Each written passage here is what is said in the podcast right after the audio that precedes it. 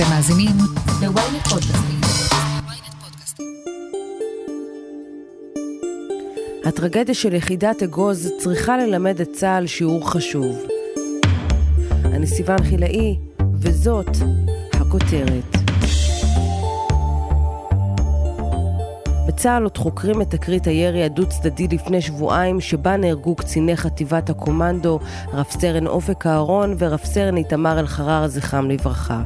אך הרקע לאסון שפקד את סיירת אגוז יכול ללמד אותנו דבר מה על ה-DNA של הסיירות בצה"ל.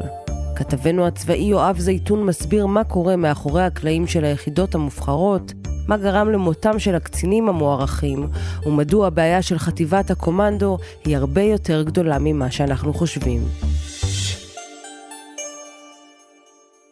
טוב, אז אנחנו מדברים על אה, אימון אה, שגרתי תקופתי של חטיבת הקומנדו, יחידת אגוז, אה, בין ירושלים לים המלח, בסיס נבי מוסא, שטח אש מוכר. בלילה שבין ה-12 ל-13 בינואר מסתיים אימון לילי סמוך לקריית המטווחים של הבסיס. אבל שלא כמו רוב שטחי האש של צה"ל, שטח האש הזה נמצא ליד כפרים פלסטינים, והחיילים מתודרכים להיות במוכנות גבוהה לדמויות חשודות. לאחר שבלילה הקודם נגנבו קסדה ואמצעי לראיית לילה, ולאחר שרוב החיילים הלכו לישון במאהל הפלוגתי, המפקדים מחליטים ביחד עם לוחם נוסף שנמצא איתם, לפטרן מסביב למטווח, בניסיון למצוא את הגנבים. במקביל, יוצא אה, קצין, מפקד צוות צעיר, סגן נון, אה, גם למשימה כנראה דומה, גם לנסות לאתר, אבל במרחב אחר אה, סמוך למאהל. ואז אה, בחלוף כשעה קלה הם אה, נפגשים, אבל הנסיבות של המפגש הן טרגיות כמובן.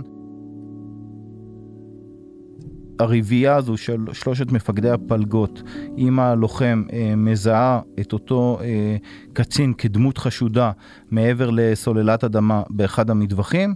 הם רואים אותו באמצעות האמר"ל, מטווח של 100-200 מטרים אה, מהם, והם מתחילים להתקרב אליו. הם עדיין לא יודעים שזה קצין מהיחידה שלהם, שזה מפקד צוות ממש מהפלגה של אופק אהרון, זכרו לברכה, אחד מהשניים שנהרגו, ומתחילים לצעוד.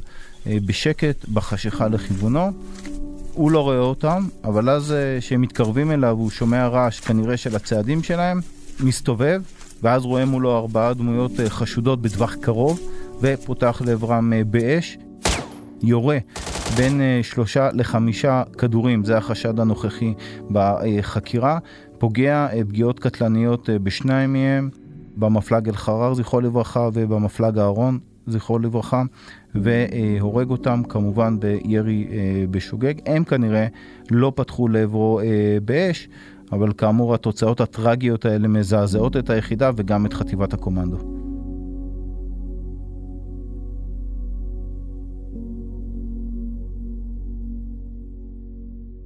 יואב, איך קורה מצב שקצינים מחליטים על דעת עצמם לצאת לחפש גנבים באמצע הלילה? נכון, זה אה, עניין שנחקר כעת, והתשובה לשאלה הזו היא מורכבת, כי מצד אחד זו יחידה, ונדבר על זה תכף, שמעודדת אה, יוזמות ועצמאות וחשיבה מחוץ לקופסה של הקצינים, של המפקדים, גם של הלוחמים, ומצד שני יש אה, לחץ, גם לחץ אישי. עצמי של לוחמים וקצינים שמתאמנים כל העת בשטחי האמונים אה, ורואים את אותם אה, גנבי אמל"ח בעיקר מהמגזר הבדואי שגונבים להם אה, ממש מתחת לאף לאור היום גם בלילה ללא כל מפריע, תופעה שכבר אה, קיימת שנים ואף אחד לא מצליח לעצור את ההפקרות הזו, אז הלחץ הזה מתבטא גם ברצון שלהם לשים לזה סוף ולתפוס את אותם אה, גנבים. הבעיה היא שזה מתבצע ללא כל נוהל קרב, ללא נהלים מבצעיים, ללא אישור של רמות ממונות, ממש כיוזמה מקומית, במקרה הזה הם גם לא היו עם מכשירי קשר או עם קסדות, מה שעוד יותר הקשה את הזיהוי ולכן זה מגיע למצב החמור הזה. האם מפקד יחידת אגוז, סגן אלוף א', ידע או לא ידע על הפעולה הזאת, זה מה שמתחקרים כעת, אבל uh, גם אם הוא ידע, uh, סביר להניח שזה לא היה באישור או בתיאום גם של כוחות שכנים או רמות ממונות, לא בוצע בשום צורה לפי כל נוהל מבצעי. ולכן חוקרים את זה עכשיו, לדעת עד כמה התופעה הייתה רחבה, והאם זה היה חלק מתרבות לקויה או בעייתית, זה מה שבדרך כלל גם חוקרים אירועי עבר, מהעבר הקרוב כמובן, ביחידות כאלה, אה, כאשר קורים אירועים מהסוג הזה. וזו תופעה שרואים לא רק באגוז. גם בסיירות אחרות בצה"ל המנהג של יוזמות מקומיות של קצינים לחפש גנבים הוא לחלוטין דבר מקובל, שגם אם לא מקבל את אישור הדרגים הגבוהים, זוכה לגיבוי מלא. לפני שנה לדוגמה, כוח של סיירת גבעתי סבל מגנבות בבסיס האם של היחידה בשדה תימן שבדרום. ללא אישור דרגים גבוהים, החליט הכוח להציב מערב לגנבים באזור המטווחים בבסיס. והמערב שלהם היה אה, מוצלח, הם באמת תפסו על חם אה, גנבי אה, אמל"ח שהסתובבו במטווחים של הבסיס, הביאו אותם, ממש קפצו עליהם, הביאו אותם למשטרה, אפילו קיבלו על זה שבחים מהמפקדים הבכירים שלהם, על היוזמה, על התושייה, על העצמאות שהם גילו באירוע הזה, אבל אנחנו יודעים שזה יכול גם להסתיים אחרת. במקרה אחר, סיפרו לי לוחמים שגם שירתו בגבעתי, הם פשוט ביקשו אישור מהמפקדים שלהם, אבל בדרג היחידה, לא ברמות גבוהות יותר, אה, לתפוס טרקטורונים, גנבים על טרקטורונים, זה הכלי רכב העיקרי שלהם אה, בשטח כאשר הם אה, גונבים אמצעי לחימה מהכוחות, בעיקר בשטחי האש. לאחר מרדף ארוך, הכוח תפס את הטרקטורון, אבל בלי הגנב. אני די משוכנע שאם יעשו חפירה, יגלו שהתופעה הזו יחסית רווחת בצבא, מהטעם הפשוט של הלוחמים פשוט נמאס שהרמות הבכירות יותר, גם בצבא, אבל גם במשטרה, ובכלל, זה משהו אה, ברמה של הממשלה, לא עושים סוף להפקרות הזו בשטחי האש, הפקרות שכבר נמשכת שנים, כוללת גניבה של uh, מגוון אמצעי לחימה, מג'יפי סופה, במקרה אחד היה אפילו ניסיון לגנוב נגמ"ש, וכמובן uh, תחמושות בהיקפים של uh, מאות אלפי כדורים, רובים, נשקים, מקלעים, וחלק מאותם נשקים מגיעים כמובן לאותם ארגוני פשיעה שעליהם אנחנו מדווחים כל יום, לצערנו בגלל הקורבנות הרבים שהתופעה הזו גובה במגזר הבדואי, אבל גם להברחות סמים בגבול אה, מצרים, ככה שזה מעגל נוראי שלא נקטע. אה, במקרה הזה, אחת החוליות במעגל הזה הגיעה לתוצאה טרגית, כמו שראינו אה, ליד בסיס נבי מוסא.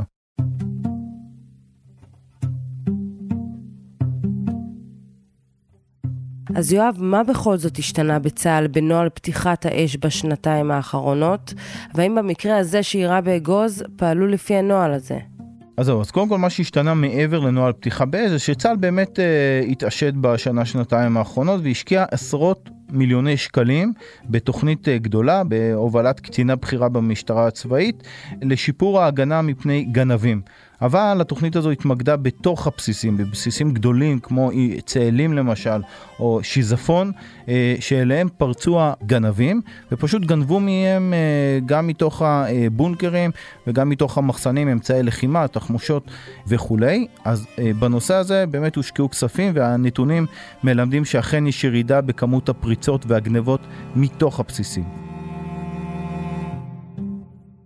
אבל שתיארו לי את התוכנית הזו שהיא כללה רכש של אמצעי תצפית ומעקב ומכ"מים ומצלמות והקמת יחידה חדשה של אה, מאבטחי מתקנים ברמה הרבה הרבה יותר גבוהה ממה שהיה בעבר, קב"טים ממש קב"ט לכל אה, בסיס, שתיארו לי זה, שאלתי אוקיי, אבל מה קורה עם שטחי האש?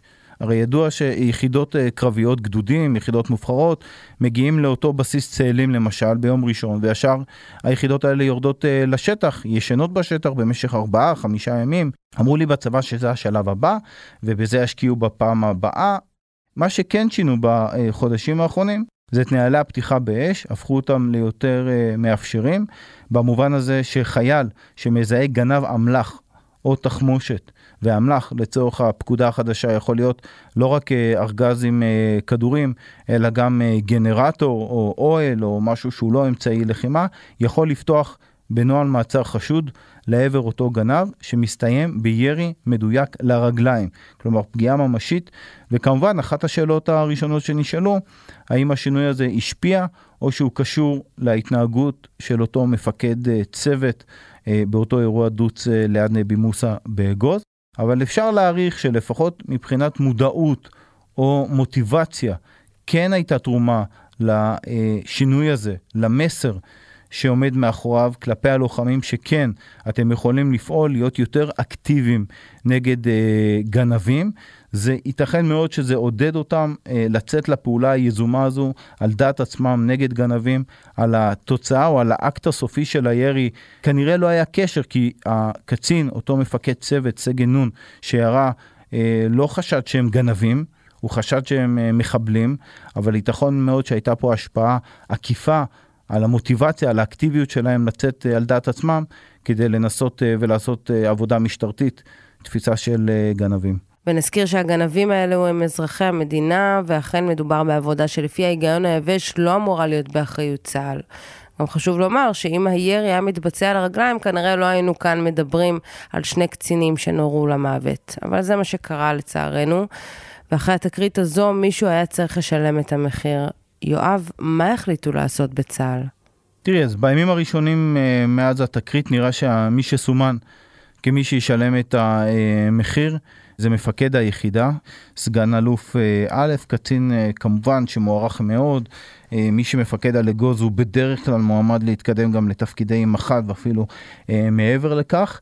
ייתכן מאוד שבעצמו יבין את זה ו...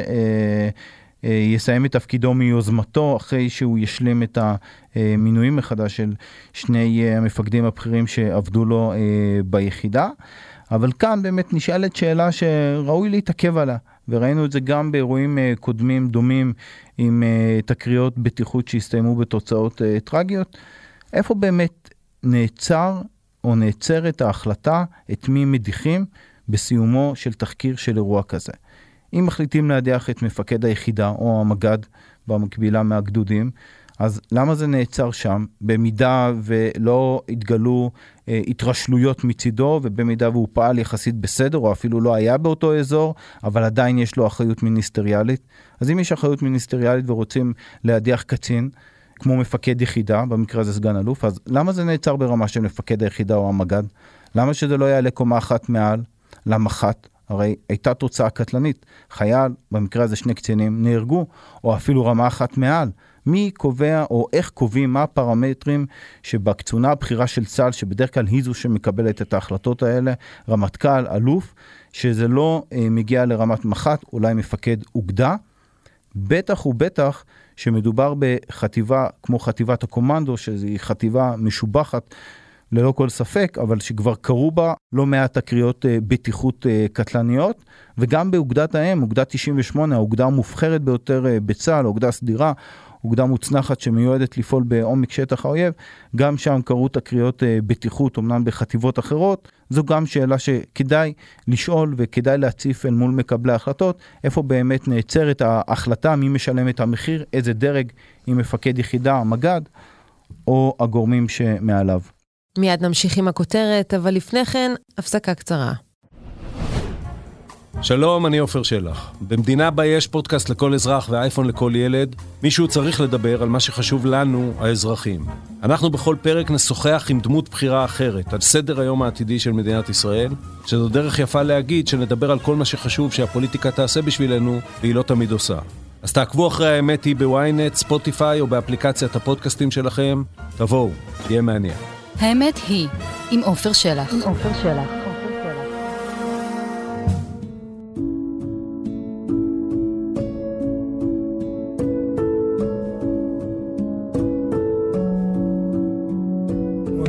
לא מרגיש הבדל בין זה שיש אה, עכשיו מזג אוויר סוער כזה או אחר, או שיש מזג אוויר חם. אנחנו אוכלים את זה בלי מלח. זאת יחידת אגוז. ממש במקרה, שבועיים לפני האסון, ראיינת את אופק אהרון, זיכרונו לברכה, המפלג שנהרג. מה הוא סיפר לך על ה-DNA של היחידה? תראי, באופן מסמרר אה, שמעתי אתמול את כל החומרי גלם, גם את אלה שלא פרסמנו בכתבה ההיא שעסקה אה, בתרגיל הקומנדו, שבוע שבו הייתה את אותה סערה, סערת כרמל. שבוע שבו כל היחידות האחרות או רובן בוטלו להם האימונים והתרגילים מטעמי בטיחות בגלל מזג האוויר הסוער, אבל לחטיבת הקומנדו לא ביטלו את אותו אה, שבוע מורכב מאוד מעין שבוע מלחמה שדימה לחימת עומק בשטח האויב. ובביקור שלי באותו אה, אימון, באותו תרגיל, פגשתי שם את אה, אופק, תוך כדי הסתערות דיברתי איתו, ראיתי אותו עם אה, פנים מכוסות בבוץ או בצבעי לחימה, עם קול צרוד מאוד, אבל עדיין מאוד חד, מפוקס. מה שנדרש ממפלג ביחידת אגוז, כפלגה עצמאית, שיכולה לתפקד כיחידה עצמאית, שמקבלת החלטות הרות גורל, שמכריעות את הלחימה מצד לצד. ואני כמפלג צריך לממסר לרמה הממונה שלי את ההמלצה שאני מעריך ורואה בשביל שהוא יקבל את ההחלטה היותר גדולה לגבי המערכת הגדולה. העצמאות פה, בשונה מכל מקום אחר בצבא, היא עצמאות מטורפת עליי כמפלג.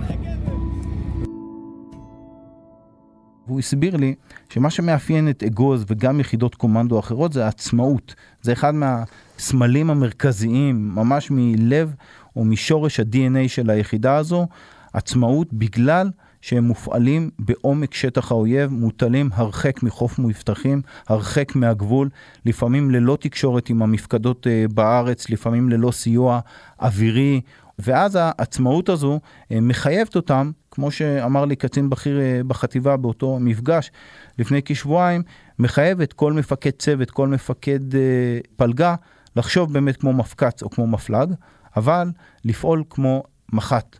כלומר לבצע פעולות שהן לכאורה במישור הטקטי, המקומי, הנקודתי, אבל יש להם השלכות לדרגים או למערך האסטרטגי אה, של הלחימה. אנחנו מדברים כמובן על תרחישים של אה, מלחמה, והעצמאות הזו, זו מילה שהוא חזר עליה הרבה אופק, העצמאות הזו כנראה באה לידי ביטוי גם באותה יוזמה מקומית לצאת אה, באותו לילה.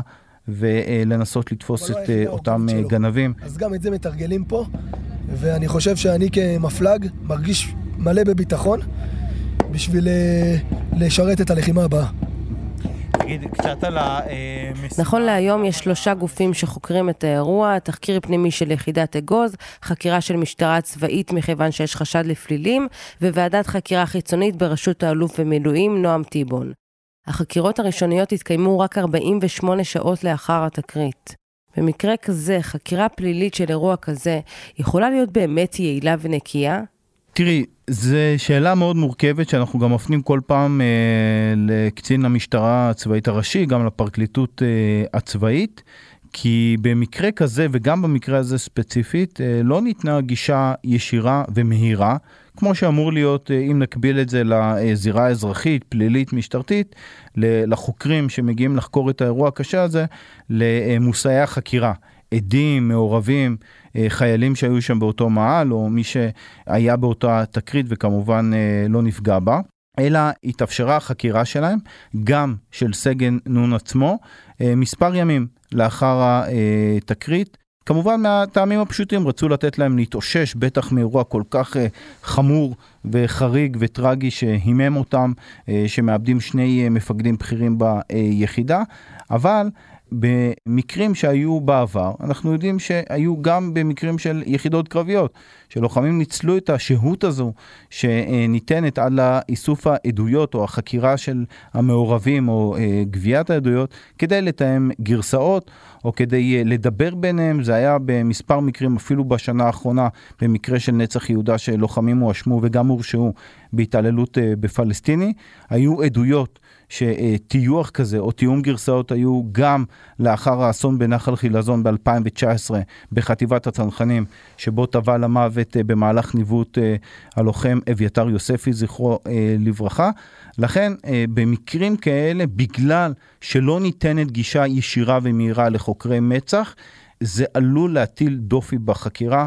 אבל ביומיים שלושה האלה, מה שקורה זה שיתר גופי התחקור כן מתחילים לתחקר את זה. המפקדים ביחידה, במקרה הזה אוגדה 98 וחטיבת הקומנדו, שמתחקרות בעצמם, כמו שתמיד מתחקרים אירועים uh, בצה"ל, מטעם היחידה עצמה, הם היו מהראשונים לתחקר את הלוחמים, uh, לדבר איתם, לאסוף גרסאות במסגרת התחקיר היחידתי או האוגדתי, שגם הוא מתבצע בימים האלה. והציר השלישי שפועל ומתחקר, זה הציר אה, של אה, אותה אה, ועדת בדיקה חיצונית שמונתה על ידי הרמטכ"ל שבראשה עומד האלוף במיל טבעון, שהיא גם גוף שמתחקר, אוסף עדויות ויגיש ממצאים לרמטכ"ל בסיום העבודה שלו, כך שיש פה שלושה גופים, אבל אם ככה נזקק את הציר של מצ"ח, את הציר הפלילי שחוקר את האירוע הזה, אז לא ניתנה לו גישה כמו במקרים קודמים מהירה לעדים, למעורבים, ולצערנו בעבר היא גילתה שחיילים כן שיבשו חקירה או תיאמו גרסאות ביניהם.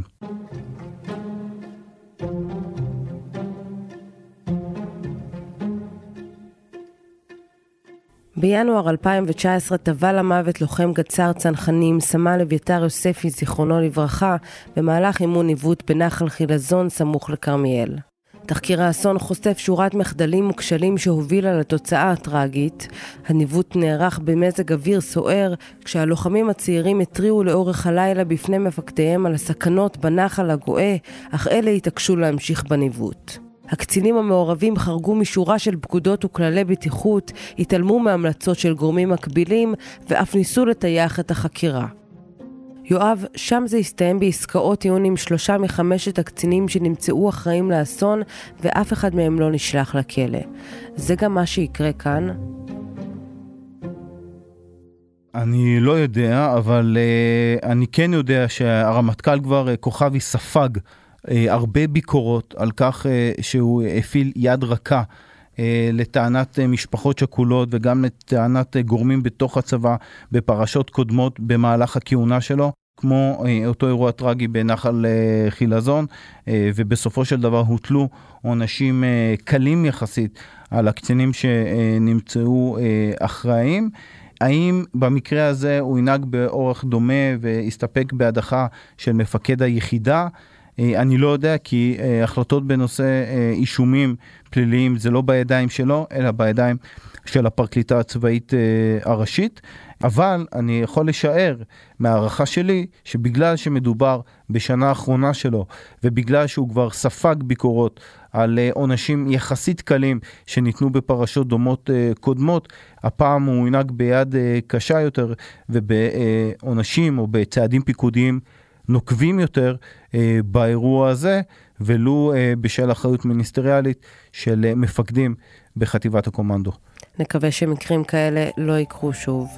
יואב זייתון, תודה רבה לך. תודה. עד כאן הכותרת להפעם. אתם מוזמנים לעקוב אחרינו בוויינט או איפה שאתם שומעים את הפודקאסטים שלכם. אם זה קורה בספוטיפיי או באפל פודקאסט, אתם מוזמנים גם לדרג אותנו ולהאזין לפרקים נוספים בענייני צבא, כמו הפוקר הישראלי. וגם, אל תשכחו לשלוח את הפרק לחבר שעדיין לא שמע את הכותרת של היום. עורך הפודקאסטים הוא רון טוביה, גיא סלם סייע בעריכת הפרק, דניאלה מוסי פיקה. על הסאונד, ניסו עזרן, עטילה שומפלבי הוא גם חבר בצוות הכותרת. אני סיוון חילאי, ניפגש בפעם הבאה.